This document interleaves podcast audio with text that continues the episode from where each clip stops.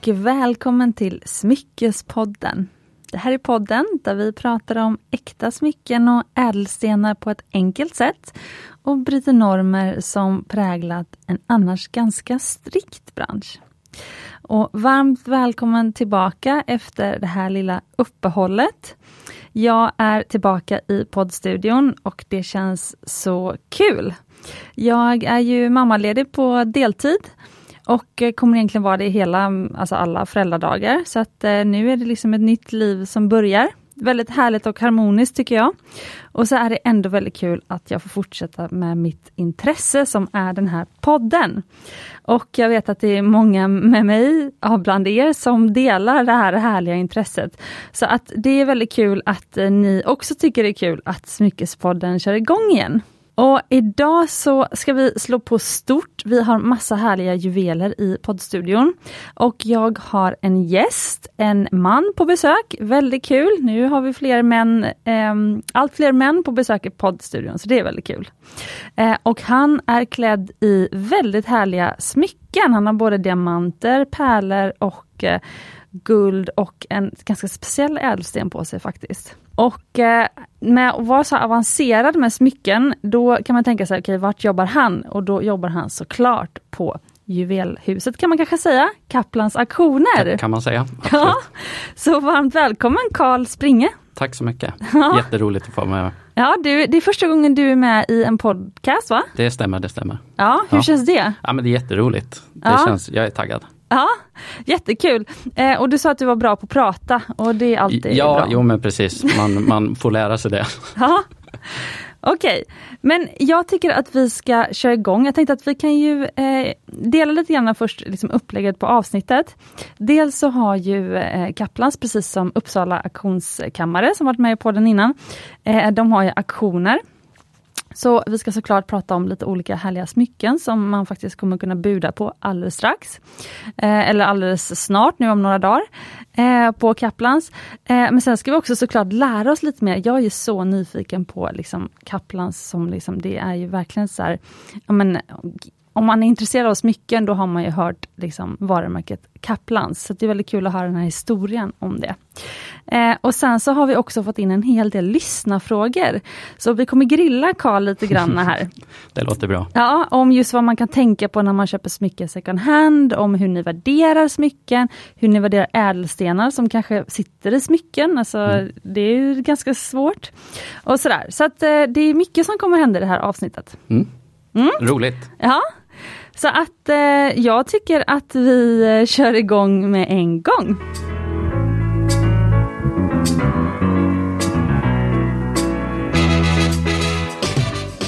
Berätta om Kaplans. Ja, eh, Kaplans eh, är ju lite av ett, eh, ett eget företag kan man säga. Eh, vi har flera delar och är aktiva i de flesta delarna i hela branschen kan man säga. Eh, vi har en butik på Biblioteksgatan 5. Och där har vi försäljning i butiken eh, på både nytillverkade och begagnade varor. Och där eh, har jag stannat många gånger jag säga. Ja, det, det är och svårt suktat. att inte Aha. göra det. Det är svårt att gå in i, i lokalen också kan jag säga.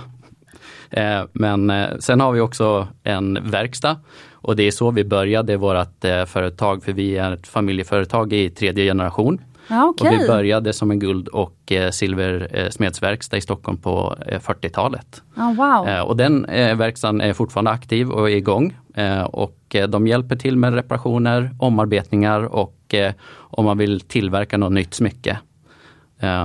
Är det bara då de som Alltså, hjälper ni bara till med reparationer på det man köpt hos er? Nej, nej, nej, nej? utan allt, allt. Vi är en, en riktig verkstad kan man säga. Eh, så att eh, har man egna smycken man vill eh, antingen reparera, göra om, för det är mycket sådana här generationsövergångar, kan kräva att den storleksändras ringen lite grann, eller man vill göra någonting nytt helt enkelt. Och det hjälper vi till med.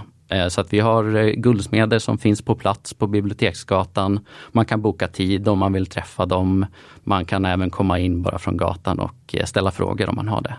Det är ju perfekt. Det är så många som undrar vart man kan, vart man kan vända sig med sina gamla smycken. ja, precis. Ju, mm. vi, vi, vi tänker oss själva som en helhetslösning inom branschen. Att man kan gå till en plats, Biblioteksgatan 5, kom in, har du frågor om ett smycke du har, har du frågor om smycken du vill ha, har du smycken, frågor om smycken du vill köpa, har du allt möjligt. Vi jobbar även mot försäkringsbolag om man vill ha ett värderingsintyg eller om man har tappat bort någonting så jobbar vi även mot försäkringsbolagen för att eh, försöka hjälpa ersätta dem. Ja, ah, kanon. Absolut. Och sen så var det ett fjärde ben sa du, för ni hade ja, auktioner och sen hade ja, verkstaden. Den sista, sista ja. delen är ju våran, eh, våran kändaste del och det är själva auktionsverksamheten. Uh, och det, uh, där är ju jag, vart jag jobbar framförallt inom, inom företaget. Uh, Sen, ja just ja, nu håller jag på att glömma också. Ja. Vi, har, vi har ju faktiskt försäljning av eh, diamanter eh, via våran eh, online-sida diamantia.se. Eh, där man kan få hjälp av att hitta diamanter till ganska konkurrenskraftiga priser faktiskt. Är det som ett svenskt, det här Blue Niles? Ja men ah. lite grann. Eh, vi, har, eh, vi är ju inte helt, eh, helt online sätta med hela produktionen av smycken utan då får man träffa en guldsmed hos oss i vår verkstad. Men de två, Diamantia och vår verkstad är ganska sammankopplade för det är många som, som vill ha helhetslösning där de kan hitta en diamant till bra pris och få hjälp att tillverka smycket. Men man kan även bara handla diamanter där. Okej, det är ju faktiskt coolt att ni har lyckats med det. Så om man vill handla en, diamant, en lös diamant hos er, då ja. bokar man alltid in ett möte då? Man kan gå in på hemsidan och scrolla igenom de tillgängliga delarna också om man vill det. Men det finns ju självklart en person som finns där för att hjälpa till om man har några frågor och funderingar. Okej, för Alltså, för min utmaning just när det handlar om att sälja lösa stenar, eh, eh det är att jag upplever att många vill Eh, liksom man, vill, man, vill göra ett klipp, man vill liksom komma undan så billigt som möjligt och så vidare. Alltså hur hanterar, och så jämför man då med ja, internationella onlinehandlar.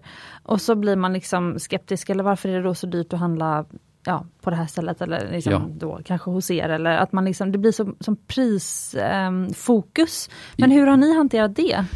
Ja, alltså det är ju det här är ju en, en lösning som vi har för, för de som vill hitta en kvalitetssten till ett eh, överkomligt pris ändå. Mm. Eh, för det blir ju det blir billigare att handla på en onlinehandel än om man går till en juvelerare som måste lagerföra en diamant. Eh, för då beställer vi in dem från en internationell marknad för att förmedla den tjänsten. Ah, smart, okej. Okay. Så att vi, vi, vi kan dra ner kostnaderna för oss själva med att vi inte lagerför de här varorna själva då. Ah, och därav kan man komma undan med ett ganska bra klipp ändå. Och det är ju som sagt kvalitetsvaror, allting är certifierat och allting är kontrollerat. Mm. Okej, okay, spännande. Så då är det Kaplans fyra ben då. Då var ja, det precis. diamanthandel och så var det verkstad. Diamanthandel, verkstad. Auktionshus. Auktionshus och, och butiken. Ja, Perfekt! Okej, wow. Eh, men för vi har ju haft Uppsala auktionskammare i podden två gånger innan. Ja. Eh, kära Klara, känner du henne? Jag har inte träffat henne men jag vet Nej. mycket om henne. Ja. Och sen har jag lyssnat på avsnitten självklart. Ja, hon är ju sprudlande som ja, få. Men det kan man ju säga. ja. Eh, men vad skiljer era aktioner från, från deras till exempel? Eller är det precis samma? Eh, mycket är likadant kan man säga, men som hela vår verksamhet är ju byggt på ett eh, koncept av ett helhetstänk egentligen, att det ska finnas den här möjligheten att kunna eh, handla på olika sätt hos oss. Eh, och eh, det, det, det sprudlar in lite grann i våra aktioner också kan man säga. Eh, för eh, vi arbetar som sagt med butiken där vi håller också aktionerna på Biblioteksgatan 5. Eh, och eh, då har vi den möjligheten att eh, erbjuda efterförsäljning av varorna om det är så att vi inte får dem sålda på auktionerna. Och eh, för att det ska fungera bra för oss så istället för att eh, ha ett gömt reservationspris som nästan de flesta auktionshusen har, mm. så kör vi med, istället med ett öppet bevakningspris. Så att vi sätter en lägsta gräns där vi börjar budgivningen ifrån. Mm. Eh, och det funkar då som reservationspris på varan kan man säga. För då har ni ganska högt då startpris? Vi har förhållandevis, det, ja, det beror på hur man ser på det. Generellt så ligger vi väl mer eller mindre i nivå med de andra reservationspriser till de flesta fallen. Men att vi då kör med ett öppet så att man kan se tydligt vart gränsen börjar någonstans. För annars så brukar de, de andra har ju som sagt ett, eh, de har en, eh, en, ett utrop, de har ja. en värdering och, eh, men de har oftast ett, satt ett reservationspris som ligger lite lägre än det. Eh, och eh, då bjuds det från, från noll och uppåt och eh, när de har nått den nivån så står det att reservationspriset är uppnått. Mm. Men hos oss så är det ett, det första budet du kan lägga så har du redan nått till reservationspriset kan man säga. Mm. Så att istället för att köra en, en nivå där som man inte ser direkt utan man får bjuda sig fram till den punkten så kör vi med, direkt med ett, eh, med ett öppet eh, bevakningspris eller reservationspris. Mm. För att jag har en kompis som älskar att hänga på auktion, alltså för möbler och smycken och allt möjligt. Och hon, så kan hon säga, hon kan skicka sms när hon, hon ska uppdatera mig om hur det går auktionen då. Så kan hon vara så här, nej men nu budar jag bara mot mig själv och då menar hon att hon väntar på att så här, när har jag nått reservationspris? Ja men precis och det, det är där vi skiljer oss framförallt i, emot de andra. Att, ja. att eh, första budet, du får hem varan om ingen kommer att utmana dig. Men eh, hur har ni en procentuell då siffra som är, till exempel om ni värderar ett armband till 30 000 så är det 75% av det är startpris eller? Eh, så, så enkelt har vi det faktiskt inte utan vi, vi utgår mer ifrån varorna och marknaden kan man säga. Eh, så att eh, vi, vi, tittar på, på marknaden och ser vad, eh, vad som är aktuellt. Och som sagt vi, vi, vi tar hänsyn till både skick och eh, helheten kan man säga av föremålet. Eh, för att som sagt får vi inte in första budet på auktionen då flyttas det föremålet sen till våran butik och kan säljas där direkt över disk. Så att det funkar som en extra tjänst för kunderna som lämnar in hos oss. Och då vill vi ju börja på en rimlig nivå men inte allt för låg heller för den delen. Jag har ju ett sån där ångestsmycke hos er som, för jag, jag vet att när man kollar ert skyltfönster då på ja. Biblioteksgatan 5 som du har sagt. Svårt att missa. Jaha. Eh, då är det ju vissa som har en prislapp i en annan färg. Ja, och det är väl de precis. som har varit på auktion men som man då kan... Vi, vi, vi har ett system där vi har eh, prislappar egentligen huvudsakligen i två olika färger och det mm. är de blå varorna representerar nytillverkade varor. Så att mm. de är mm. tillverkade antingen av våran egen verkstad eller så är det någonting vi har på kommission av andra tillverkare. Mm. Eh, och sen allting som är på vit etikett är saker, eh, begagnade varor som eh, som har varit på auktion men inte blev såld där för, för startpriset kan man säga. För att det var ju en helt magisk eh, smaragd och diamantring. En sån jättestor guldig sån här chunky, alltså som Alltså skulle kosta multum nu, jag gör ju smycken själv eller liksom i mitt företag så att så här, jag vet ju exakt vad, det, vad allting kostar ja. att göra. Eh, den, skulle, den kostade 18 000 kronor. Ja. Och det var en blandning av smaragdslipade smaragder, smaragdslipade diamanter, olika eh, briljanter, alltså runda diamanter. Alltså det var så mycket stenar, så, mycket, så hög designnivå. Eh, och den kostade 18 000. Alltså jag hade aldrig kunnat göra ett sånt smycke i ateljén för 18 000 kronor. Ja, det förstår jag. Och jag trodde att den skulle komma ut på auktion. Så jag var såhär, undrar när den kommer ut på auktion? jag förstår. Så, men i verkliga fall, jag hade bara kunnat du hade köpa den. Direkt in till våran disk där och ja. eh, köpa den direkt över disken. Fruktansvärt. Det är ju, ja det är nog det jag ångrar mest eh, i mitt liv typ.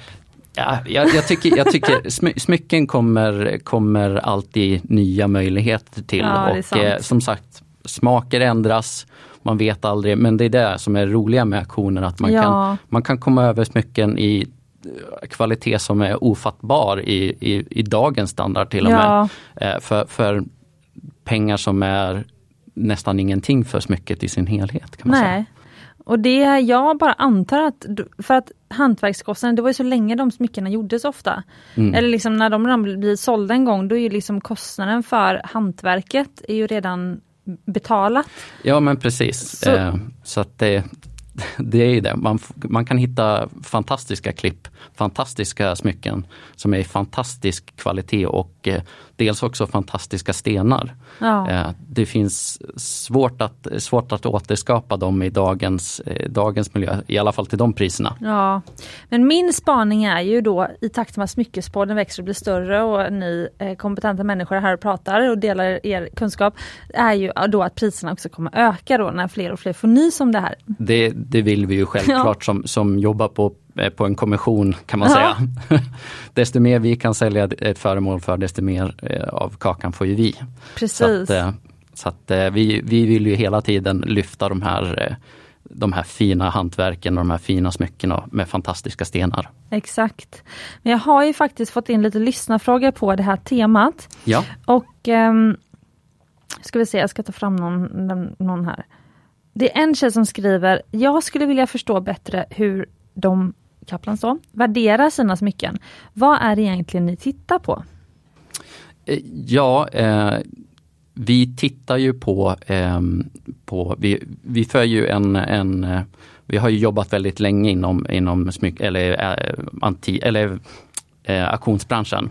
Eh, och eh, eh vi har ju, för ju register på allting som vi har sålt och allt som vi har värderat. Så att vi har ju väldigt stort stöd i, i vår historik. Så att eh, de flesta smyckena som vi får in har vi faktiskt förmodligen sålt inom de närmsta åren ett par eller flertal gånger.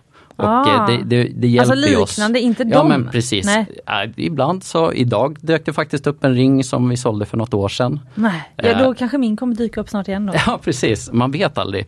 Det finns, jag, jag, jag minns smycken som jag har sett ett flertal gånger på marknaden. Eh, så att det, det är inte omöjligt att de kan dyka upp igen och det, det har ju med att göra att man, man kan ändra smak. Man kanske vill använda ett smycke i några år och sen kanske man vill ändra sina. Och det är där auktionen som ger väldigt mycket möjlighet till det. Jag säger exakt som Klara, man ska inte vara rädd att eh, lägga bud på auktion för att som sagt Eh, Är man den högsta budgivaren, den näst under en är ju beredd att betala nästan samma peng som en själv. Och om man tröttnar på det kan man lägga ut det på nytt på auktioner. Ja, jag, Jag, brukar, håller med henne fullkomligt i det. Så att man ska inte vara rädd för att, eh, att, eh, att köpa smycken på auktion. Utan det, det ger en möjlighet till att få smycken som man kanske annars inte skulle kunna ha råd med. Exakt. Nej, men jag brukar säga också att det är som när man då ska sälja möbler på Blocket kanske. Ja men precis. De bästa möblerna att sälja det är ju de man köpte på Blocket. För då Ja. kan man vara säker på att man får tillbaka Ja, men- ungefär samma pengar. Ja men precis, ja, Mm. absolut. Det, är- det är exakt samma sak. Men okej, men då, då, okej, ni värderar då faktiskt genom att titta eh, i tillbaka i arkivet helt enkelt? Ja men ungefär, det, så kan man säga eh, på förenklat sätt. Ja, kan man säga. förstår. Men, Ja. men grova drag, ja. Det är så vi jobbar framför allt. Så att vi, vi har ju som sagt så mycket, så mycket försäljning. Eh, jag kan ju säga det att eh, vi har när det gäller smyckesaktioner så har vi tre stycken smyckesaktioner i månaden. Eh, och vi är relativt begränsade som auktionsverk. Vi jobbar inte med möbler, vi jobbar inte med något av de kategorierna utan vi håller oss till eh, silver, smycken, ädelstenar. Sen har vi klockaktioner och modeaktioner. Och det är hela vårt spann som vi jobbar med på, på auktionsdelen. Och silver är bestick och sånt? Eller? Bestick, eh, Bägare. bägare, vaser, terriner, eh, ja, bonbonjärer, allt Vad är det? möjligt. Eh, små, en godisskål kan man säga, en fransk Jaha. godisskål, bonbon. Jaha, wow, okej. Ja, lite sånt, alltså typ eh, all, allt i den silverkategorin. Mm. Eh, och sen som sagt framförallt smycken och ädelstenar för min del. Ja. Men, men vad är modeaktionerna då? Eh, modeaktionerna jobbar framförallt kanske med, med väskor av ja, märken som man känner igen. Typ Ah. Hermes, Louis Vuitton, allt, alla i de områdena. Eh, men de har även scarves, de har även eh, bälten, accessoarer, allt möjligt kring, eh, kring modesfären kan man säga. Mm, Okej. Ehm, för att jag fick en till fråga, vad gör ni med det som inte blir sålt? För då skriver hon, vissa saker kommer ju upp fem gånger på raken, hur fungerar det? Ja, eh, sättet som vi jobbar efter egentligen är att eh, vi har ju det här tvådelade systemet som de flesta andra auktionsverk inte har. Att vi har möjlighet att lägga ut varan direkt i, till försäljning i butiken. Eh, och det öppnar upp den här möjligheten att vi kan köra ett smycke på auktion. Eh, om vi inte får det priset som vi har tänkt oss. Eh, kanske är det någon i, som går in i våran butik och eh, säger taget, den mm. vill jag ha. Eh, och då får de köpa den direkt eh, där i butiken. Men är det så att eh, säljaren gärna vill att vi tar med den på ytterligare auktioner för att mm. de kanske vill ha Ja, men ibland så är det ett bohag kanske som ska delas upp, det är en bodelning, ett arv där de vill få ett avslut relativt snabbt. Och då kan det vara så att de, de vill att de kommer upp på, på ytterligare auktioner. Men då brukar vi också se över våra eh, det prisbilden kan man säga. Så att vi brukar sänka dem lite grann till nästkommande auktion om det är så att det var priset som satte köpstopp så att säga. Det är ju super, alltså när man hör det här då tänker jag att fler företag borde liksom prova den här typen istället för att då försöka en hel säsong med att sälja en tröja till ett visst pris och sen så får man lägga ut den på 70% rea i slutet på säsongen. Varför inte, varför inte sänka priset då i mitten på säsongen istället med några hundringar och så se om det blir sålt? Ja men precis. Ja. Det är ju hur smart som helst. kanske inte så enkelt, jag vet inte. Nej, nej jag tror kanske inte det. Nej. Eh, men eh, sen är det en annan tjej som frågat, vad är viktigt att tänka på när man vill buda på auktion? Ja, alltså det, man ska ju ta hänsyn till att eh, smycken, speciellt av ålder, att de kanske har lite så restriktioner i hur man använder dem. Mm. Men det är samma sak som med nytillverkade smycken. Det, vissa smycken är inte menade att användas på, på, på vissa sätt. Ska man ut och gräva i, i rabatten så kanske det är smart att man inte har med sig en skör, skör ring av visst slag med sig ut där och gräver. Eh, så att det är ju egentligen att man, att man tar hänsyn till smycket sin, sin helhet. Mm. Och där, där finns vi som stöd om man handlar hos oss till exempel så kan man alltid ställa frågor kring de här smyckena. Eh, vad är det man ska tänka på utifrån det perspektivet. Att eh, Går den här att använda, jag har tänkt att ha den här som vardagssmycke, det är en smart grej. Kan man ja. ju alltid fråga oss. Och då kan vi säga att ja, vi hade hoppats att man skulle kunna göra det för den är fantastisk men mm. man måste ha hänsyn till att den här kanske inte kan användas på det sättet utan att man, man får ta lite extra hänsyn. Det får vara ett fästsmycke, man får tänka lite mer på när man använder det. Mm. Eh, men det är som sagt med nytillverkade smycken, det finns de också som inte bör hanteras på, på, på alla sätt heller. Men jag är faktiskt lite besviken på vissa online eh, auktionshemsidor. Eh, då min kompis, eh, som hon jag pratade om innan, som mm. älskar auktioner. Eh, hon brukar ju skicka länkar till mig också, om hon hittar någon ädelsten eller något smycke ja. på auktion. Så kan hon skicka någon länk och liksom titta på det här eller liksom sådär. Eh, och då var det en rosa spinell som var ute på auktion, ja. alltså det är en lös ädelsten då.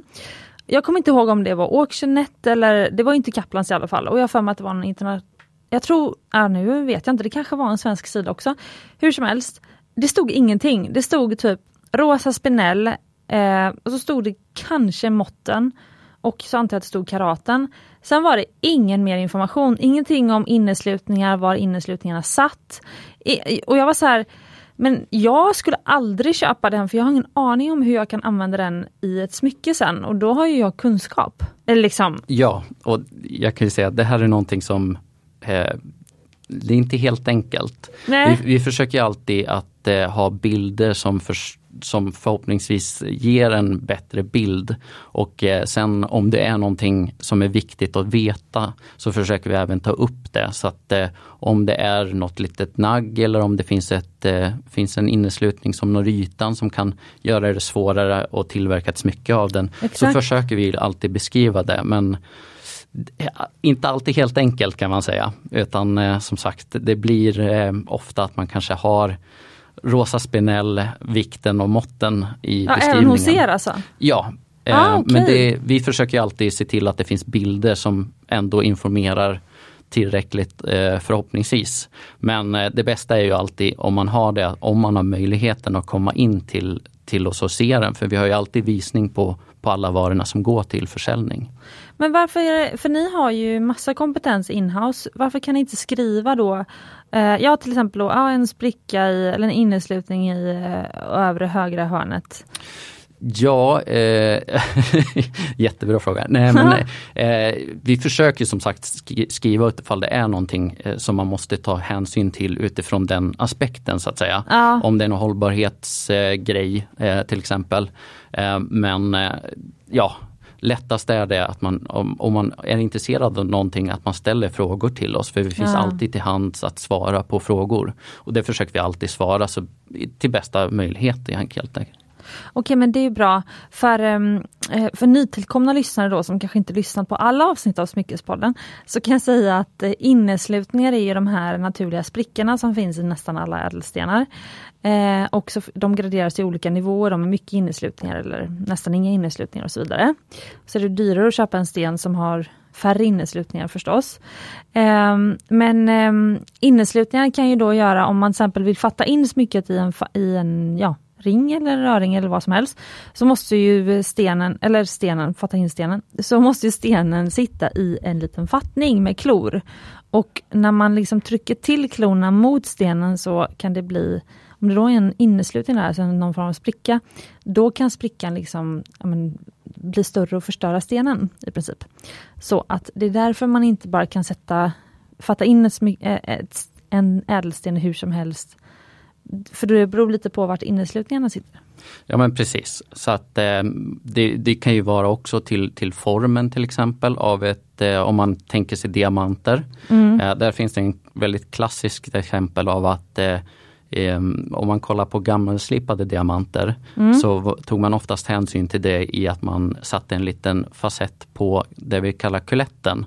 Det som är längst ner i botten av diamanten. Spetsen. Ja men precis, Ja. den är ju idag nästan alltid en riktig spets kan man säga. Mm. Eh, Men förut så satte man en liten facett där. För det är oftast där så den på... blev trubbig. Ja men precis, den varit lite trubbig. Den, det är oftast där man ser på en ny, nyslipad diamant, om det blir en skada på den så är det oftast där som det uppstår då. Eh, Att det är på spetsen som, eh, om den har tagit emot i botten av fattningen eller om man har hanterat den lite taskigt kanske. Mhm. Eh, Så att det är där man oftast, och det tog man hänsyn till, eh, ja, för länge, länge sedan, ja, men typ hundra år sedan, eh, då, då slipades det alltid nästan en facett där för att man skulle skydda den. Men det man inte tog hänsyn till då var att man gjorde den yttre kanten, gjorde man oftast väldigt, väldigt tunn. Eh, det vi kallar rondisten eller görden. Eh, så det är den, bredaste delen på Ja stenen. precis, längst ut kan man säga. Ja. Så att så längst ut eh, på, på, på stenen eh, på sidorna. Ehm, Omkretsen, Ja men precis, omkretsen kan man säga.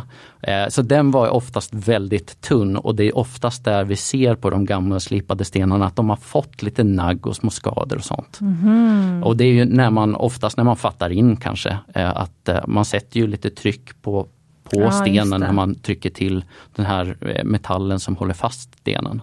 För nu är ju, om man tänker nya stenar som slipas nu, Där, där tar man alltid nästan hänsyn till det så att man gör den lite tjockare så att den ska vara mer hållbar helt enkelt. men där är väl också numera, för man gör den ju lite, det är nästan, det är ingen man gör nästan som en liten kant och så Ja, graverar man precis. väl diamantens typ ID-nummer i där. Ja exakt. Ja. Om, den, om den har eh, något speciellt, eh, antingen ursprung i form av eh, eh, lokalitet så att eh, de här eh, kanadensiska stenarna som kommer som är Ja, de klassificeras som Canada Mark och då garanterar de att de kommer från de kanadensiska gruvorna. Och de brukar ha en liten, en liten eh, vad heter det, en oak leaf, en liten maple leaf på kanten Aha. där som garanterar att de kommer därifrån. Och sen är det ju när de, de här större instituten som graderar diamanter kollar på dem så är det oftast att man sätter dit ett, eh, ett serienummer som stämmer överens med certifikatet.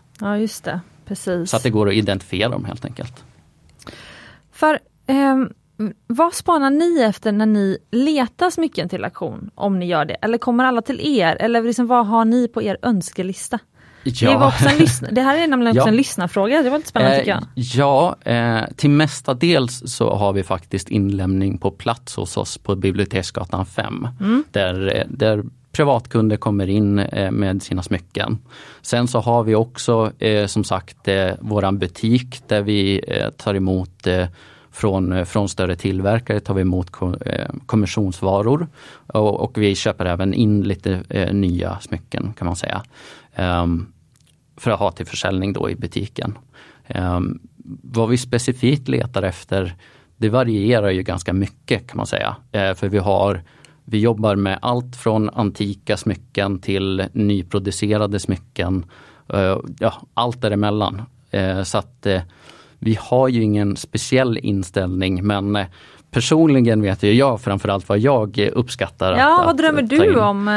Jag, att sälja på auktion? Ja men det är ju framförallt eh, art deco. Det är mm. min period. Eh, när de geometriska formerna får, får plats och det är där tidigt 1900-tal som piken av, eh, av guldsmedsarbetet kan man säga, eh, i min blick i alla fall finns.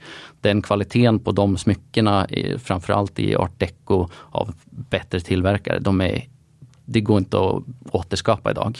Det finns nästan knappt kvar den kunskapen i, i den nivån av eh, arbete som eh, de är utförda i. Vad är det för eh, eller liksom kunskap? Eller? Ja men det är ju till exempel, eh, nu blir det ju liksom typ Fabergé-nivå vi pratar. Eh, för det är ju fantastiskt hantarbetade, handarbetade, alla de smycken är ju handgjorda, unika smycken i fantastiskt platina-hantverk. Eh, och det är ju många, många hundratals timmar lagda på ja. varje smycke. Och mm. idag så är det lite svårare att lägga ner de arbetstiderna på, på föremål. Mm. Eh, för det är klart, en timme är en timmes arbete. Mm. Eh, så det var lättare på tidigt 1900-tal att, att lägga ner den nivån av arbete. Hur länge, jag måste bara fråga, hur länge är en, om du säger tre aktioner i månaden, är det ja. ett dygn man har på sig att buda eller hur? Nej, utan vi, har, vi öppnar dem vanligtvis en månad i förväg. Oj, okej. Okay. Eh, men, men då skriver vi in under den tiden fram tills en vecka innan auktionen är.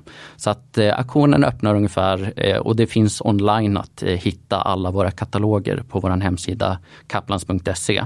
Mm. Eh, och eh, då kan man i stort sett en månad i förväg kan man gå in och börja kika vad som kommer in till näst, nästa månads auktion. Och då är det lite olika, olika typer av auktioner. Så att vi har en en auktion som vi kallar Lilla smycken, där vi tar med de lite enklare föremålen.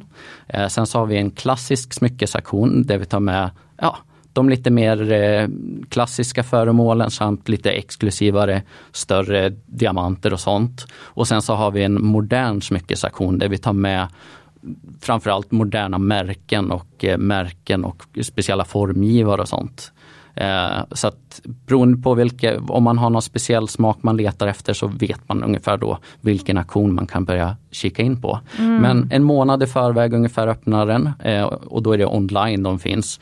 Så att då finns det beskrivning och eh, det finns bilder på alla föremålen. Men vi skriver eftersom in på den auktionen fram till ungefär en vecka innan den auktionen går. Mm. Så att man kan, man kan vara väldigt tidigt ute och kika.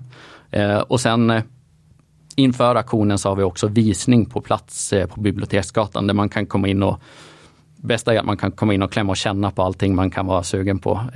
Men att man kan se dem live och få en ordentlig uppfattning. Passar den? Är det rätt storlek? Passar den på mig? Allt, allt det där som alltid är bra att ha en bild av när man ska lägga bud. Att man, att man verkligen vill ha föremålet. Mm. Eh, men som sagt, vi har eh, väldigt många aktioner. Eh, jag, jag satt och räknade ihop det här idag. Jag var tvungen, jag hade faktiskt inte själv en bra bild över det. Men vi har totalt planerat i år så kommer jag fram till 134 aktioner. Men då är det också en aktion i veckan som är en aktion av vår samarbetspartner Sefina Pantbank. Mm. Där deras förfallna pantvaror går ut till försäljning på auktion. Där måste man kunna göra klipp. Där kan man absolut göra klipp, det har jag själv gjort. Så ah. det, det, kan jag, det kan jag rekommendera. Eh, så där kan man gå in eh, och, det finns också online och det finns också hos visning hos oss eh, både måndag och tisdag fram tills auktionen börjar klockan ett varje tisdag. Vad för klipp var det du gjorde? Jag har bland annat köpt det här pärlkolleret som jag har på mig just nu. Ja, för jag satt och tänkte på det. Herregud, jag glömde ju bort att fråga, eller att Ja. vi skulle gå igenom dina smycken. Ja men precis. Som du hade på dig. Ja, ja men precis. Ja. Jag måste dela med mig lite. Ah, Okej, ja men Så berätta att, då eh, vad du har på dig. Det, ja. då tar vi det nu då. Ja men precis, det gör vi. Eh, jag har som sagt ett pärlkollier Mm. eh, och det är med eh, faktiskt naturliga pärlor. Så att det är, jag har tyvärr inte hunnit skicka iväg det för att testa om det är flodpärlor eller om det är orientaliska pärlor. Men Vad är flodpärlor? Eh, flodpärlor de, eh, de är de naturliga sötvattenspärlorna som finns, eh, det är flodmusslor kan man säga. Som Eh. är odlade eller? Nej, utan De de, är- de är naturliga så att eh, det har man fiskat i Sverige i, de svenska vattnen till exempel. Här nämnde inte så att- Annika något om i pärlavsnittet. Ah, aj då. Nej. Nej. Okej. Eh, men, men vi har haft, eh, i Sverige har vi haft eh, faktiskt, faktiskt fiske av, av naturliga pärlor ja, fram, kommersiellt fram tills eh, 1930 i alla fall. Men även lite efter det. Sen så idag har vi inte det för att idag är de fri, fridlysta. Så att 1994 så fridlyste man den svenska Ah, flodmusslan. Men okej, så, så okej, då har du det halsbandet. För jag måste ju Ja. beskriva då att du har ju en bl- mörkblå kostym. Och sen så har du ju typ en plommonfärgad skjorta och sen så har du ju halsbandet lite som man har en slips. Alltså du har ju halsbandet, du har skjortan hela, knäppt hela vägen upp och halsbandet utanpå under kragen. Ja. Väldigt sassy. Måste Ja men man, eh, man, tar, man, tar, man tar det man har som man Ja. säger. Eh, Men, men som sagt, den, den klippte jag faktiskt på auktion. Ja. Eh, Och det var faktiskt på, på de här pantakonerna då. Eh, För ja, det är sånt där som man bara, åh vad häftigt, det vill Ja. jag ha. Och det kan jag säga att låset är faktiskt tillverkat i Sverige. Och det är tillverkat 1843 av en guldsmed i Sverige. Eh, Så att eh, förmodligen är pärlorna från den tiden också. Men det är svårt att säga. Pärlkollier måste man ju tyvärr trä om Ja, stup i kvarten, höll på säga. Nej, men om man använder dem mycket så behöver man ju trä om dem kanske var tredje, var femte år någonting för att, eh, för att eh, det ska hålla ordentligt. Så att pärlkollier är en sån, alltid en sån grej som är svårt att datera. Eh, För att man har ju trätt om dem. Och jag kan säga det om mina pärlkollier också, att de små pärlorna mellan varje stor pärla är odlade pärlor. Så att Ah, allting okej. är inte naturliga pärlor. nej för det är faktiskt bra också att beskriva att det är ju stora, varannan pärla är stor och varannan är liten. Ja. Mm. Och sen så har du på dig en brosch.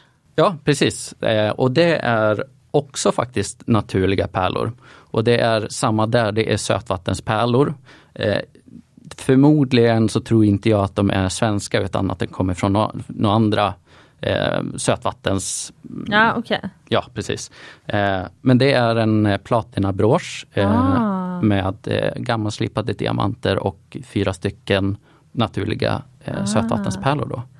Han Harry Styles hade varit avis på dina smycken. Ja, ja lite grann, man kan hoppas. Eh, ja, men, och den är som sagt eh, ungefär tidigt 1900-tal. Eh, jag, jag romantiserar själv att det är fransk men eh, det finns tyvärr inga stämplar på den som kan eh, lokalisera exakt vart den är tillverkad. Nej, men vi säger att den är fransk. Ja men precis, Ja. jag, jag säger det.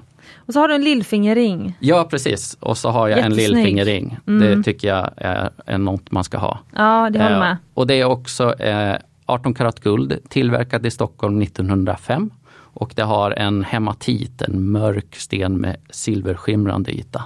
Alltså jag måste säga att det ser ut som en klackring med oval, eh, eh, ovalt rundad, liksom, om man säger äggformad eh, klack. Mm. Eh, och så ser det ut som att det är en spegel, för det är en helt spegelblank yta. Men så visar det att det var en ädelsten, det var ju väldigt coolt. Ja, det, är en, det är en som de kallar klassisk blodsten och den är mycket järn i den. Mm, ja, jättesnygg. Okej, herregud jag känner att nu som vanligt så springer tiden iväg. Vi har inte ens hunnit gå igenom de här smyckena som du har med dig. Jag ska bara se här lite lyssnarfrågor. Um, ja, jag tycker att det här är en rolig fråga. Eh, det är en tjej som skriver att det vore intressant att höra trender. Alltså hur ser ni på vad som trendar nu? Eh, vad som har försvunnit? Jag antar att hon menar vilka trender som har försvunnit och så vidare. Eh, kan du liksom se då trender i liksom auktioner och vilka som säljs dyrare och sådär? Ja men det kan man, det kan man alltid göra. Ja. Eh, men det, det är som sagt, vi för, ju, vi för ju historik på alla försäljningar vi gör. Eh, så, att, så att vi får ju det lite utav av, historiken som vi sparar. Och det här kan man faktiskt också, om man är kund hos oss, så kan man logga in på vår hemsida och hitta eh, hela vår försäljningshistorik också. Så man kan gå själv in och kika lite grann. Eh, om, man, om man är intresserad av att göra det. Eh, för då ser man exakt vad som har sålts tidigare hos oss.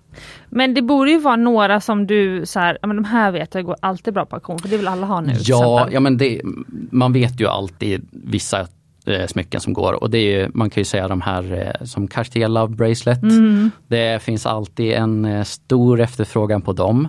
Eh, så de vet vi alltid att vi får, eh, att vi har kunder som är intresserade av. Eh, och sen är det, eh, Tiffany öppnar ju butik här för, Just för ett det. år sedan ungefär. Sen dess så ser vi att det har ökat efterfrågan på Tiffany-smycken. Jaha, så kul! Där, där har det definitivt hänt en liten uppsving. Spännande. Och det är samma ni- sak lite med Cartier-smyckena också. Efter de öppnade butiker i Stockholm så, så vart det en liten uppsving på, på Cartier-smycken också. Det är precis det här som är grejen. Alltså när folk pratar om konkurrenter i alla branscher, då blir jag så här, fast det är inte konkurrenter utan alla som startar eh, som bra företag, de Mm. Ja. gynnar ju varandra. Så Jag det blir håller- snarare ett intresse. Jag håller med till fullo. För Ah. att det, det här handlar, det handlar om att eh, lyfta varandra. Ja. Eh, för att desto mer, eh, desto mer korrekt information som kommer ut, Exakt. desto mer säker kan man vara på att göra bra, bra köp. Eh, Precis. och eh, desto mer intresse det finns, desto större marknad finns det för alla. Mm. Precis. Okej, det var ju faktiskt spännande. Ehm, och Ja, sen har jag, nu kör jag på här med frågor för att jag vill Ja. hinna gå igenom dem. Eh, nej men för sen har jag en fråga till som är, vi- nu svänger vi fritt här mellan liksom så. Men hur bedömer ni diamanters klarhet, inneslutning och karat när de sitter i smycken?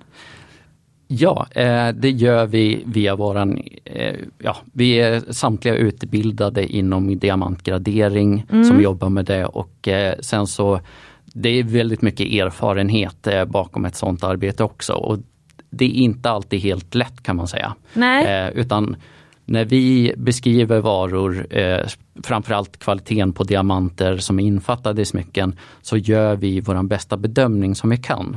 Eh, vi kan inte göra en, en perfekt bedömning för att eh, ja, väga diamanter. Eh, vi, vi beräknar vikten utifrån eh, vår erfarenhet och, eh, och utifrån formler som man kan använda för att måtta diamanter för att få fram vikten. Men den exakta vikten, då måste man ju ta ut dem ur, ur smycket och lägga dem på vågen för att få reda på.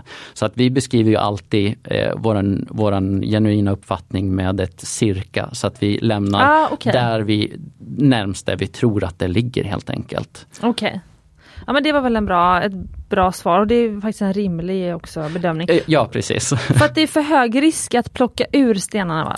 Ja men det är inte, det är inte lönsamt i alla situationer att Nej. göra det utan eh, eh, ibland så, det är ju, kvaliteten sätter ju oftast värdet och, och priset på, på en diamant till exempel.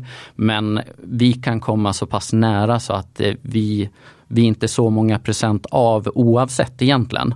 Så att då är det inte värt att lägga ner kostnaden och det är, vissa smycken går det inte att, ta ut en sten för att sätta tillbaka den utan det, då går kanske smycket sönder. Och i många fall så är det ju smycket som är mer intressant än, än specifika vikten av diamanten eller den specifika kvaliteten på diamanten. För eh, ibland så är det smycket i sin helhet som är det intressanta. Precis. Sen så har jag också en lite mer filosofisk eh, fråga från en tjej här. Eller hon hade diskuterat med sin eh, kompis om hur det, alltså att, att när man köper smycken på auktion, de har ju, smycken har ju hamnat på auktion på grund av någon liksom orsak. Och oftast är det negativt laddade orsaker. Typ att det är en bruten förlovning eller man säljer av sina smycken för att ha råd att leva, som eh, pantbacken kanske. Eller liksom eh, någon, eh, ja, man har förlorat någon eller alltså att man liksom, ja, men typ som ett dödsbo, man säljer av ett dödsbo eller liksom något sånt där. Eh, alltså, men så sa hon, men så ser inte jag på det. Men då, hennes kompis gjorde ju det. Alltså har du, ha, liksom, har du någon upplevelse av det här? Liksom? Ja, jag, jag kan säga det att jag, jag har jobbat inom branschen i eh, snart tio år. Ja. Och jag började faktiskt jobba som, eh, på pantbank. Eh, ja, så okay. jag har jobbat eh, fyra år på pantbank. Och eh, där är ju lite mer åt det hållet kan man ja. säga. Eh, men när det kommer till själva auktionsverksamheten så tycker jag att det är mycket bredare spann. Och till väldigt stor del så är det ju framförallt kanske arv Mm. Eh, det är saker som har legat i byrålådan väldigt länge. Mm. Eh, det är oftast att man, att, man, eh, ja, att man inte använder de smyckena. Och min filosofi med smycken, smycken är till för att användas. De är inte till för att ligga i en byrålåda. Nej. De är inte till för att ligga i ett bankfack undangömda. Utan de är till för att användas. Och jag tycker det är jättebra att när folk har smycken som, ja, de blir bara liggandes, de har ingen lycka av det. Det blir ofta som en liten oroskänsla egentligen. Att de har någonting liggandes. Exakt, eh, och precis, känner de oro. Ångest, ja, men exakt, en ångestladdad grej. Eh, och sen speciellt när de kanske har ett, ett arv där de har ärvt ett smycke men de vill inte använda det, att det ska ligga i byrålådan. Det är helt fel tycker jag, utan då är det mycket bättre att den får komma till en person som kommer uppskatta det och vill använda det. Mm. För det är det smycken är till för. Eh, och eh, jag brukar ofta säga det till, till sådana som har ett sentimentalt värde på något. Då frågar jag alltid, men använder du det? Mm. Eh, om de säger, nej det har legat i byrålådan i tio år. Då säger jag att, ja men är det inte bättre då att du tar den här sentimentala känslan, den här eh, affektionsvärdet som mm. du håller. Det är förmodligen en specifik person du har i åtanke kring mm. det här mm. smycket. Eh, jag säger det att affektionsvärde, det är ingenting som ökar med tiden. Eh, nästa generation, de kommer säkert inte ens veta namnet på personen som Nej. håller det här värdet för dig. Och då är det mycket bättre att de säljer dem, någon som faktiskt uppskattar smycket får använda det. De kan ta en del av försäljningsbeloppet och kanske köpa ett smycke som de faktiskt kommer använda. Ja. Och fäster sentimentala affektionsvärdet till den varan. Tänk på den personen när ja, du använder exakt. det här smycket. Och man kan gravera namnet? Man kan gravera namnet. Man kan göra jättemycket. Eh, så att för mig, jag ser det inte heller något negativt utan det negativa för mig det är ju smycken som blir liggande så undanglömda. Verkligen. Eh, för de är, någon har gett eh, sin sin lycka och sin passion i att skapa det här eh, smycket av avsikten att folk ska använda det. Eh, och att det ska ligga undangömt i ett bankfack i 50 år, det känns inte rätt för mig utan det är till för att användas, det är till för att njutas av. Ja, alltså det var ju väldigt bra formulerat tycker jag faktiskt. Och det är det som är grejen för att smycken är ju så himla speciella just av den anledningen att det är de få, få grejer som vi äger under vår livstid som är lika vackra liksom efter vår livstid och som är liksom värt att liksom föra vidare ner om man säger, ja. i generationerna. Eh, och eh, Ja precis som du säger, alltså man vill ju liksom då, men, men det kan också då göra att man så känner att när man då får ett smycke som man inte har valt själv men det bet personen betyder mycket, och då kan det ju skapa ja, ångest som du säger. Och det, känner... det, det, är helt fel tycker jag. Ja. För att det är inte därför den här personen eh, ger dig smycket. Det är inte för att skapa någon eh, oroskänsla eller någon eh, du vet, skuldkänsla att har det liggandes, kanske tappa bort det till och med i byrålådan. Eh, utan det är ju till för att de vill dela med sig av någonting som de har uppskattat och de vill ge dig något fint. Och eh, ja, jag lovar frågar vi hundra personer som har lämnat vidare någonting om de får det här svaret så kommer de nog förmodligen hålla med om att det är bättre att, att eh, någon som kommer att ha samma lycka som de har haft för föremålet får använda det och att det, det sen, ja, att den personen de har gett den här till för att det är förmodligen någonting de vill ge lycka till den personen och inte en ångestkänsla utan då, då jag lovar de kommer hålla med om eh, att det är bättre att de skaffar någonting som de kommer ha lyckan av också. Men så länge man då gör det så att man inte käka på restaurang för pengarna eller någonting. Utan att man då tar den summan Nej, och gör någonting jag så jag fint. Tycker, jag tycker det är fint att man faktiskt gör, skaffar någonting som kommer att följa med en, där man kan Ja. hålla kvar de här. Det behöver ju inte vara något exklusivt utan det kan ju vara något litet också. Eh, det behöver ju som sagt inte vara något, eh, något jätteexklusivt mycket. Men eh, auktioner ger alltid möjlighet till att man kan skaffa någonting som kanske ligger lite utanför ens kassa annars. Ja, men med det, alltså jag har ju faktiskt nyligen en erfarenhet av, ehm, ja lite liknande men eh, det blir lite personligt här då, men min eh, killes mamma gick bort i påskas, tyvärr. Eh, men, eh, och hon gick bort på sjukhus och hon hade smycken på sig då. Eh, sen så när han då fick tillbaka grejerna med liksom hennes tillhörigheter, då fick han tillbaka allt utom smyckena. Så nu har vi behövt göra en polisanmälan på liksom, eh, ja, smyckena då som vi inte fick tillbaka. Eh, och, eh, och jag bara känner, liksom, hur kan man... Jag, alltså jag förstår inte hur det kan försvinna. Det borde ju finnas processer för det här, men nu har jag förstått att det är inte så ovanligt faktiskt, att det försvinner liksom, smycken så på det viset. Nej, jag, jag har hört det ett flertal gånger. Ja, du har gjort det. Ja, men Ja. Alltså, alltså, jag var i chocktillstånd för jag bara, det kan ju inte stämma. De måste ju komma fram. Den ligger vid någon kassaskåp, eller de ligger väl i någon, i någon låst... Nej, Ja, ja. det gjorde de inte. Ja, så himla fruktansvärt. Och det som var nästan det hemskaste i det, eller var att så här, för att eh, min kille har ju en 21-årig dotter. Eh, och eh, det var ju så givet att hon skulle få ärva det här från sin farmor då. Eh, och, eh, och det var det jag tyckte var nästan allra sorgligast. Det var så här, vad ska hon nu ärva? Hon kan ju inte ärva en gammal tröja i storlek XL. Alltså som hon lilla tjejen som är storlek small. Liksom. Alltså, vad ska hon ärva? Det var ju smyckena som var meningen. Så nu var jag bara så här, nej men vet du vad, vi, vi gör polisanmälan och så får vi få försäkringspengar och sen får jag skapa ett smycke till henne som vi får gravera då hennes farmors namn eller någonting. Precis där Men det- förslag var liksom det, det låter ju jättefint Ja, jag. så hon vill i alla fall få någon symbol. Men, ja, men men, men då blev det blev som att smycken fick en extra dimension för mig, för jag insåg då smycken är ju det som finns kvar. Ja, liksom. det, det är ju exakt så jag tänker också. Att Ja. det, för det, smycken använder man som ett, eh, som ett uttryck. Eh, som liksom, det är så man kan uttrycka sig. Ja, och det håller. Det är ju lika Precis. vackert så många år senare. Ja men precis. Och man kan ändra storlek. En tröja i storlek XL kanske man inte kan ändra storlek storlek small. Men liksom en ring eller liksom halsband, allt det kan man ändra storlek på. Omarbeta. Ja. Man kan göra många, många olika lösningar för att kunna använda dem. Ah, nej, gräsligt. Ehm, men um, okej. Eh, nu tycker jag eh, verkligen att vi ska gå igenom de här smyckena som är framför oss på bordet. Ja, Vad känner tänk- du? Ja, men jag tänkte bara eh, dra in en liten eh, notis om aktionen Ja, i det. samband Bra. med det här. Ja, Eh, och det är ju eh, som sagt, nu har jag lite smycken med mig från våran aktion som kommer den 4 juni. ja, Och det är våran smyckeskvalitetsaktion som har hållit två gånger per år. Ja. Och den har vi på våren och på hösten. ja. Så att eh, vi samlar ihop de, eh, de finare smyckena Ah, och silverföremålen. Ja men precis, det här är, våra, det här är våran godis-godis-samling kan man säga. Det är verkligen att vi tar, tar tillvara på de fina grejerna som kommer in hos oss och samlar ihop dem till varje halvår då. Eh, så att eh, vi har i den här aktionen som kommer den 4 juni har vi samlat ihop eh, 235 olika eh, silverföremål och smycken.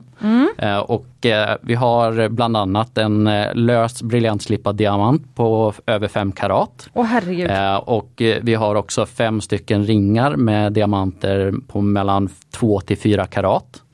Eh, och sen så har vi också, när det kommer in på de här märkena med trender, eh, så Ja. har vi, eh, vi har smycken av internationella märken som eh, Van. Cleef Arpels, vi har Cartier, vi har Tiffany's, vi har Chopard, vi har Bulgari, vi har Bouchelon, vi har. Pumlato och vi har Lalique. Jag hörde inte ordet Mumbai där, men det kanske kommer om 50 år. Ja men vi väntar ju på det. eh, men sen så har vi också eh, de nordiska eh, märkena. Eh, vi har eh, Laponia, det finska eh, Ah, smyckesmärket. Eh, vi har Georg Jensen, Ja. det danska. Ja. Och eh, även Ole Lyngard, det är ganska stor, den danska producenten. Eh, Mm. Och eh, vi har också några av Sveriges mest uppskattade formgivare. Eh, Torun, vi har Viven Nilsson och vi har Sigurd Persson. Eh, sen har vi också smycken från eh, våra finare juvelerarfirmor här i Sverige.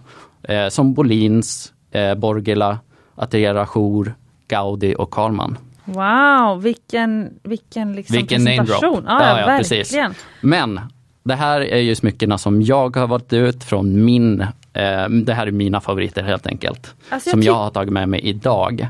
Jo men jag tycker ju, för att du är precis som mig, du, Du- älskar showpieces. Ja precis, och du kan nästan se, se vilket håll jag drar åt. Som sagt, mitt, eh, mitt yngsta smycke som jag har på mig nu är så här tidigt 1900-tal. Och, ja, det som ligger på bordet framför oss eh, är inte mycket äldre än så kan man säga. Alltså det är så grymt snygga smycken. Jag tar, Eller ju yngre än så menar jag. men jag tar ju videos och bilder nu till eh, Instagram då, så ni får gå in och kolla på Smyckespoddens Instagram. Definitivt. Eh, men jag känner nästan, för att eh, när Klara var här, då körde vi lite så att jag skulle gissa vad de värde och sånt där. Det hinner vi inte nu. Men jag tänker, kan du liksom inte beskriva lite grann om de här godbitarna? Och så får man gå in på, Absolut. liksom, på Instagram och kolla. Ja men självklart. Ehm, jag har ju kärat ner mig totales i en lillfingerring som jag hoppas få köpa under bordet. Men jag vet inte Eh, om du tillåter. Alltså, den där har jag funderat många gånger på om jag ska stoppa fickan och springa hem. Eh, nej men den är, den är fantastisk. Ja. Eh, vi, kan ju, vi kan ju nästan börja med den bara Ja. för att eh, den ligger kärt i hjärtat hos oss båda tror jag. Ja, Eh, och det är en antik guldring eh, med, en, eh, med en diamant som är förmodligen slipad på 1800-talet. Eh, men det är en väldigt, väldigt flack slipning. Så att den är väldigt grund. Men det gör också att ringen ligger väldigt tight in på fingret. Vilket är fantastiskt. så Eh, designen är nästan som en klackring. Fast den är liksom väldigt eh, Alltså sirlig, jag vet inte riktigt hur jag ska, vilka adjektiv man ska använda. Men den är ju liksom väldigt, eh, jag ska inte säga att den är väldigt feminin heller, för det är den inte. Nej, Men den är- väldigt lyxig i min, Ja, mitt öga. ja, för det, det har ju, med guldet så har det också den här blå emaljen Ja. som speglar sig lite grann i stenen. Och eh, för de som är intresserade, det är auktionsnummer 77. Så att det är bara att gå in. De, våran katalog finns uppe på, på hemsidan just nu så att eh, man kan gå in och kika där. Det finns det också modellbilder på de flesta föremålen och eh, videofilmer så man kan se dem live. För det som är coolt med den här, det är att alltså, när jag har sett moderna smycken med liknande sten, då kallar man det för så här, diamond slice typ. Det ser ut som om man har liksom Lite grann åt det hållet är det. Ja. Eh, för den är så pass tunn. Den är, eh, Eh, jag kan säga det att eh, måtten, om jag inte missminner mig, det står, eh, det står om yttre måtten på, på auktionen, men jag har för mig att vi är på typ 12 gånger 8 men djupet är bara en och en halv millimeter. Ja, så den blir ju, den ser ut som en 2-3 karats diamant, men den kan ju inte väga många karat. Eh, Förmodligen under karaten skulle jag tro. Ja, men, men när det kommer till sådana här stenar, här är det en sån här sak som, det är väldigt svårt att uppskatta vikten på Ja. den. För här har vi inte många, många jämförbara stenar. Så att eh, för att vi ska vara vågade och skriva eh, karaten på en sån här skulle man nästan behöva ta ut den. Ja. Men här är det ju någonting som eh, faktiskt, det är inte diamanten och diamantkvaliteten som är det avgörande utan här är Nej. det ju smycket i sin helhet som är det eh, som är det som är intressant egentligen. Sa du när den var gjord? Eh, vi har inte de exakta okej. men förmodligen slutet av 1800-talet. Ja, okej, just det. Eh, men ehm, vad heter det? Mm. Jo, Pris. ja exakt, värdering. Precis, Ja. kontant. Ja. eh, ja, nej men vi börjar på ett blygsamt startpris. Eh, vill du gissa? Nej? Men Alltså, jag vågar inte ens gissa, Nej. eh, men om det är blygsamt så eh, Väldigt blygsamt. 100 kronor. Nej, inte så pass blygsamt. Eh, nej, utan vi börjar eh, från 10 000 kronor på den. Ja, wow, okej. Ja, I'll be there, säger jag bara. 4 juni. 4 juni. Ja, nej men Eh, det var väl ändå... Vi har, vi har också visningen öppen från första juni. Så att man har, man har tid på sig. Så första, andra, tredje och sen auktionen den fjärde klockan ett. Så att man har, man har möjlighet att eh, besöka oss eh, för att se alla föremålen live också. Fast vi säger till lyssnarna att det är 6 juni. Eh, Just den varan är tyvärr inte möjligt att lägga bud på. ja, precis. Ja, okej, wow alltså. Mm, Yes. Den var snygg. Vi springer vidare. Ja. Ska vi gå vidare med lite ett annat emaljsmycke kanske? Mm. Eh, då har vi den här eh, collieret eller framförallt så är det medaljongen på den och eh, den tycker jag är Ja, helt underbar. Mm. Och det är, eh, eh, jag ska kika, dubbelkolla. Men är det så att man letar efter, för jag har fått in en till lyssnarfråga nu så, såg jag här. Men är det så att man letar liksom efter kända varumärken och sånt? Vet man att så här, har vi ett känt varumärke som alla de här du namedroppade, då är man så här yes, det här är en guldgruva. Ja men ja, typ. Ja. Alltså det, det man känner igen eh, det är ju alltid fantastiskt med såna här tillverkare. Jag kan Ja, det eh, går, går att öppna den här medaljongen? Absolut, Ja. det går. Men den är väldigt, väldigt tajt tillverkad. Ah. Så att det, och det är en av skönheterna tycker jag med specifikt den här eh, Mm. medaljongen. För det är ett eh, emaljarbete på utsidan i sån här galoche-emalj som man kallar det. Eh, med blå, grön och vit emalj samt några diamanter satta i platina. Eh, och själva medaljongen är gjord i, i guld.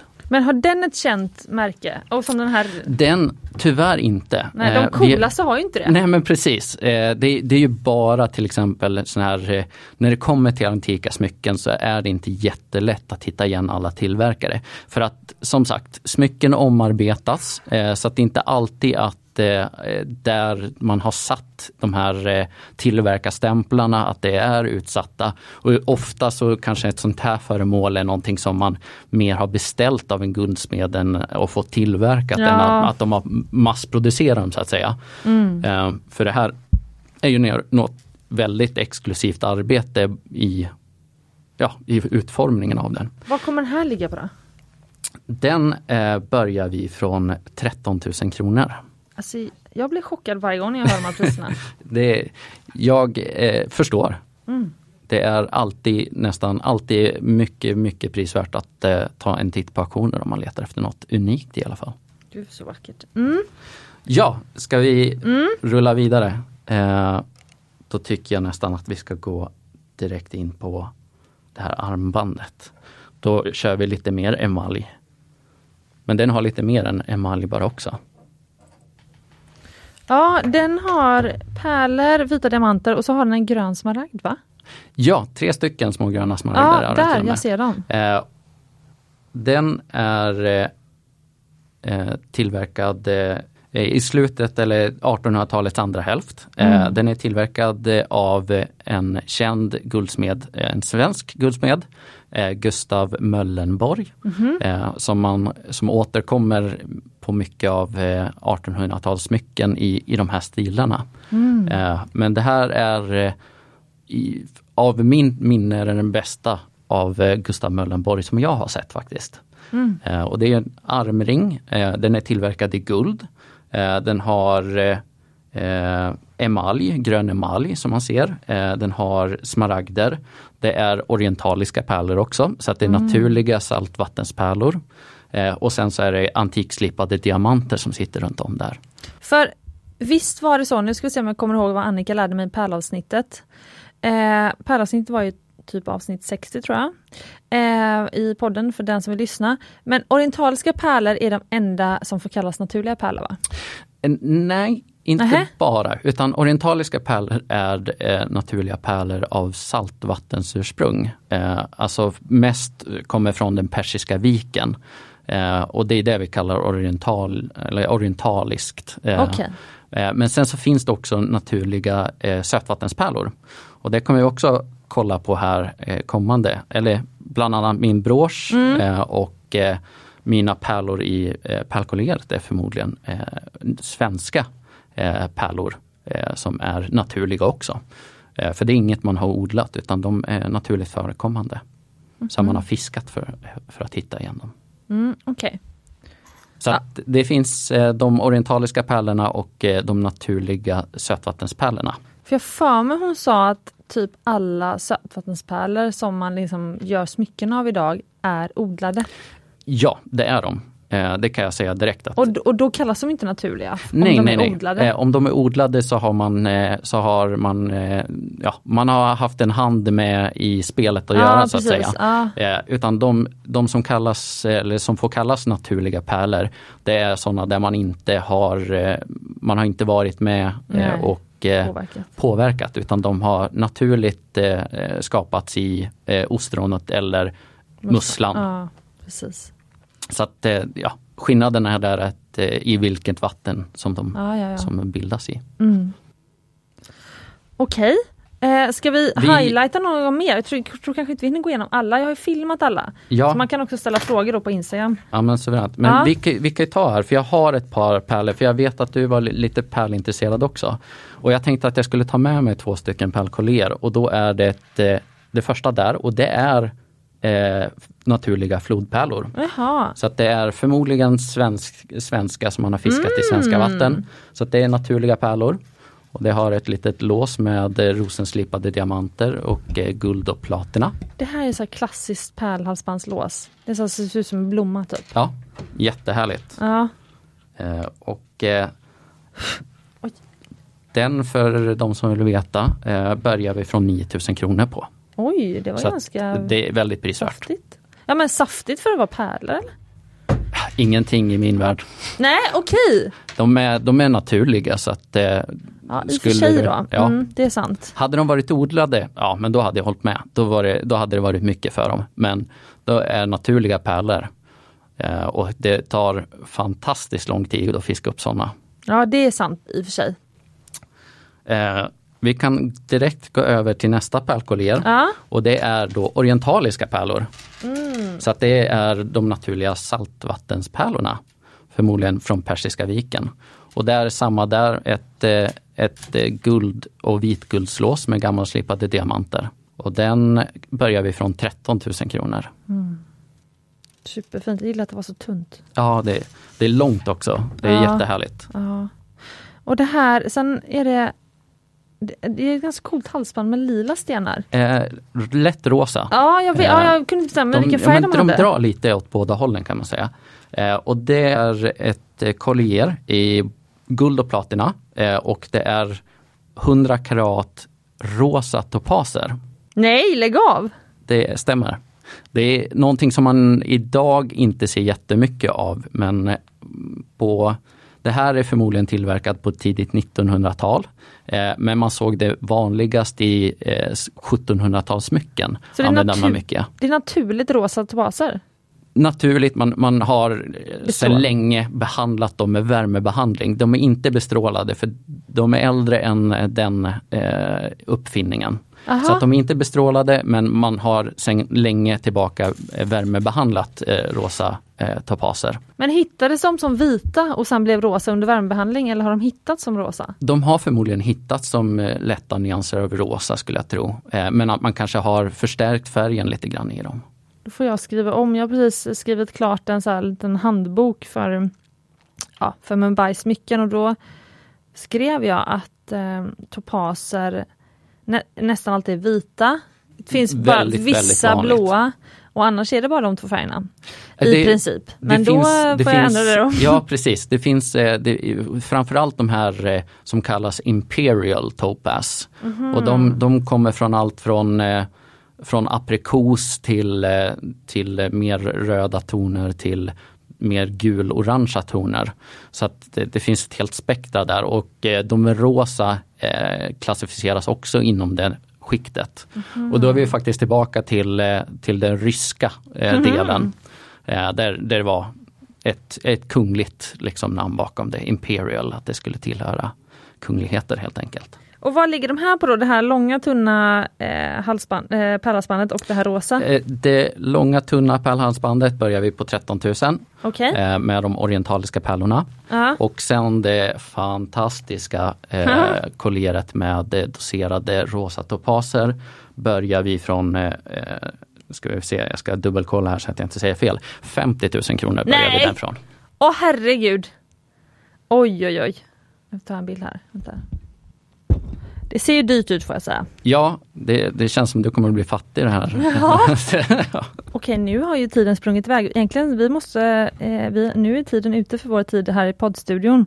Eh, men ehm, om du, jag har en, eh, två liksom, avslutande frågor. Absolut. Eh, och det ena är, eller vi börjar med den här då. Finns det något i smyckesverk som man inte behöv, bör köpa på auktion tycker du? Oj. Inte som jag direkt kan säga eh, på raken skulle jag säga. Ehm, Jag tycker allt går att leta på auktion. Eh, Bästa är ju då att man tar hjälp och frågar frågor ifall man har nå- någonting, några funderingar utöver. Mm. Ehm, Men inte som jag säger sådär att nej det här får ni inte köpa på auktion utan Nej. allt är tillåtet. Ja, kanske att man ska köpa från en auktionshus då som, som er eller någon annan liknande som är ett sånt full service house så att man får liksom bra hjälp. Alltså, klart, det ska vara en tillförlitlig. Så att det, det finns ju vissa online auktionsställen som kanske inte är, har samma, samma tillförlitlighet som, Nej, som precis. andra. Men, men har vi, speciellt om du kollar i Sverige, att de, de stora eh, auktionshusen här, det, vi, vi finns alltid på plats så att säga. Så att, eh, det, har man några frågor eller någonting i efterhand så är det alltid bara att komma tillbaka till oss. Mm. Och sen så om du skulle ge tre tips för att fynda riktigt bra på auktion, vilka skulle det vara? Oj, ja men det är ju också jättesvårt. Det är så mycket smak, eh, smakgrejer inom det här så att eh, vad jag kan säga är att eh, jag tycker ju att eh, de här antika smyckena, för de är oftast väldigt speciella. Eh, så att eh, antikt eh, tycker jag är fantastiskt. Alltså Eh, äldre än 100 år? Ja, precis. Äldre än 100 år. Eh, då hamnar vi precis i den här guldperioden med art deco-style som börjar i 20-talet där. Så att absolut, antika smycken för de är oftast så här, de, har, de pratar så mycket för sig själv. De, har, de är oftast unika allihopa och du, du får en egen style med dem så att säga. Eh, sen, vad ska man säga mer? Färgstenar, absolut färgstenar. Eh, där har du oftast eh, möjlighet att fynda enormt på auktion. Eh, så att eh, är man intresserad av färgstenar, ta en titt på auktionen för att eh, där kan man verkligen hitta fynd. Mm. Och en tredje sak, oj, det, nu, nu ställd mot väggen här lite grann. Jag tror inte jag kan komma på en tredje sak på rak hand sådär. Nej, okej. Nej, men det var väl ett ärligt svar också. Okej, och sen så har jag en grej som jag gör med eh, alla gäster som kommer hit. Eller de, de flesta gäster i alla fall. Ja. Eh, och det är eh, att jag brukar avsluta med så fem snabba. Ja, Så tanken är då att du ska svara snabbt utan att tänka och sen så kan du få fylla i sen efteråt. absolut. Okej, är du redo? Ja, vi Mm. kör. Vitguld, rödguld eller platina? Platina, Diamanter eller färgstenar? färgstenar, Skräddarsy personliga smycken eller investera i klassiker? skräddarsy, Halsband eller örhängen? örhängen, Ringar eller armband? ringar. Ja, okej, kul! Eh, är det någon särskild som du känner att den här vill jag förklara? Ja, det är väl eh, framförallt kanske skräddarsy tycker jag för Ja. att eh, ja, smycken är en personligt uttryck tycker jag eh, och det är så man ska använda dem. Så att eh, man ska inte vara rädd för att, eh, för att forma sin egen style.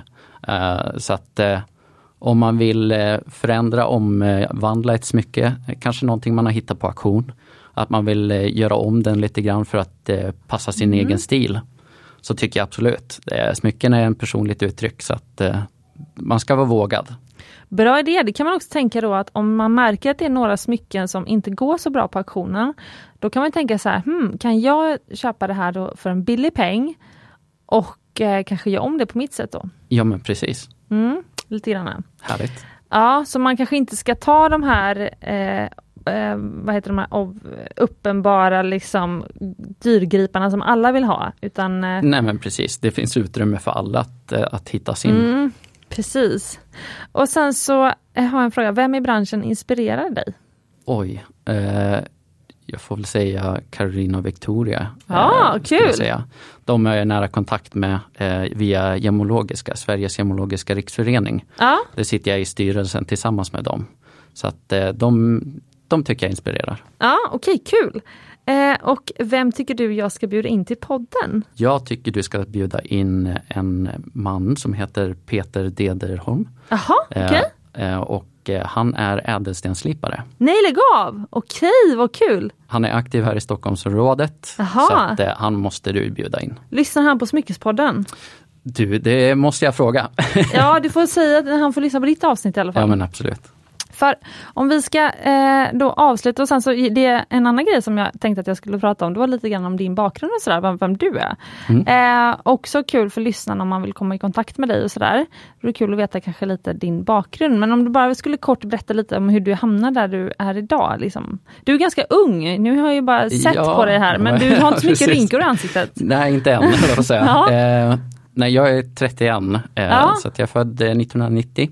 Ja. Eh, jag började egentligen, jag hade aldrig eh, för avsikt att jobba inom eh, eller den här branschen överhuvudtaget. Ja. Utan jag hade bara sen, eh, innan jag kommer ihåg så hade jag ett brinnande intresse för färgstenar. Så att ädelstenar har alltid funnits som ett intresse för mig. Ja. Och Eh, när möjligheten fanns eh, så beslöt jag mig för att eh, läsa en utbildning som hette ädelstensteknik som gick på Luleå tekniska universitet. Och det var egentligen ingen avsikt att det skulle leda till något, något jobb utan det var mer bara att jag skulle läsa det av intresse. Mm. Men sen som sagt så har man avslutat en utbildning på några år och man börjar inse att man faktiskt måste jobba också. Ja precis, så att, då, tillbaka de där. Ja men exakt, mm. man har ju det lånet som ligger. Ja. Så, att, så att det var på den vägen jag kom in i det här och eh, naturligt eh, för att eh, komma så nära eh, så många färgstenar som möjligt så hamnar jag i, hos Kaplans aktioner till slut. För det kan inte vara så lätt att få jobb på Kaplans? Nej, vi, vi anställer ju lite i omgångar men vi är ju en, eh, en grupp eh, som har jobbat, eh, vissa har jobbat under en väldigt lång period. Jag har varit där själv i fem år. Ah, okay. Men sen så hoppar också runt lite grann för vi har ju väldigt många olika avdelningar. Ah. Ah, okay. Ja, men och du är, vad är din titel på Kaplans? Jag jobbar som gemolog och värderingsman. Ja okej, okay. men du är också lite ansvarig för auktionerna? Eh, inte direkt utan eh, där har vi ett delat ansvar hela våran avdelning. Eh, så att eh, vi har uppdelat i en smyckesvärderingsavdelning, ja. en klockvärderingsavdelning och en modevärdering. och eh, smyckesvärderingen, vi är en grupp personer som alla jobbar tillsammans för att, eh, för att sköta om de här auktionerna. Då. Ja okej. Okay. Ah. Ja, nej men det var jättekul att ha dig här. Jättekul eh, att få komma. Ja, eh, om, om någon vill ha, ta kontakt med dig eller fråga grejer eller eh, ta en kaffe med dig kanske? Man ja. kanske vill lära sig mer. Eh, vad, hur kommer man i kontakt med dig då? Eh, ja, det är, jag har jobbmail och jobbtelefon man når mig lättast Aha. på. Så att eh, jag, vi kan dela med oss av de uppgifterna via dig. Ja, okay, men du kan säga det här om du, ja, får, ja, om du vill. Ja. Eh, ni når mig på, på mail på karl.springe, alltså karl.springe ja. snabla kaplans.se. Ja, härligt. Eh, så där kan man om man har några frågor, eh, gärna om man har frågor om eh, den här aktionen eller om man har frågor i allmänhet så det går att kontakta mig där. Mm. Eller så kan man nå mig på min jobbtelefon 08 550 515 88. Perfekt. Och eh, ni, du som lyssnar, om du vill att eh, Ka ska komma tillbaka till podden så skriv till Smyckespoddens Instagram. Um, ja, det var superkul att ha dig här och att du tog dig tid. Jättekul att få komma. Uh, jätteglad över att uh, ni, alltså Kaplans, ville komma till Smyckespodden. Självklart. Mm, det var ju jag som uh, mejlade er och frågade så det var väldigt kul att ni tackade ja. Kul att få komma, Aha. det är bara det jag kan säga. Aha. Vi vill dela med oss så mycket vi kan av våra härligheter. Ja, men jag har en känsla av att eh, du kanske får komma tillbaka. Ja, det, det ser jag fram emot. Ja, det känns som att den här eh, stunden gick alldeles för snabbt. Ja, det kände jag med. ja. Eh, och eh, du som lyssnar, Eh, missa nu inte de här auktionerna då, 4 juni. Man kan gå in redan nu och eh, kolla på dem på hemsidan och även på Biblioteksgatan 5. Från den första in, juni så i, har vi dem på, på Biblioteksgatan. ah. Okay. Mm. Så ingen har nu missat adressen till Kaplans? Det Nej, det tror jag inte. Nej. Eh, och eh, glöm inte nu också att du är värd äkta smycken och äkta ädelstenar och att buda på auktion!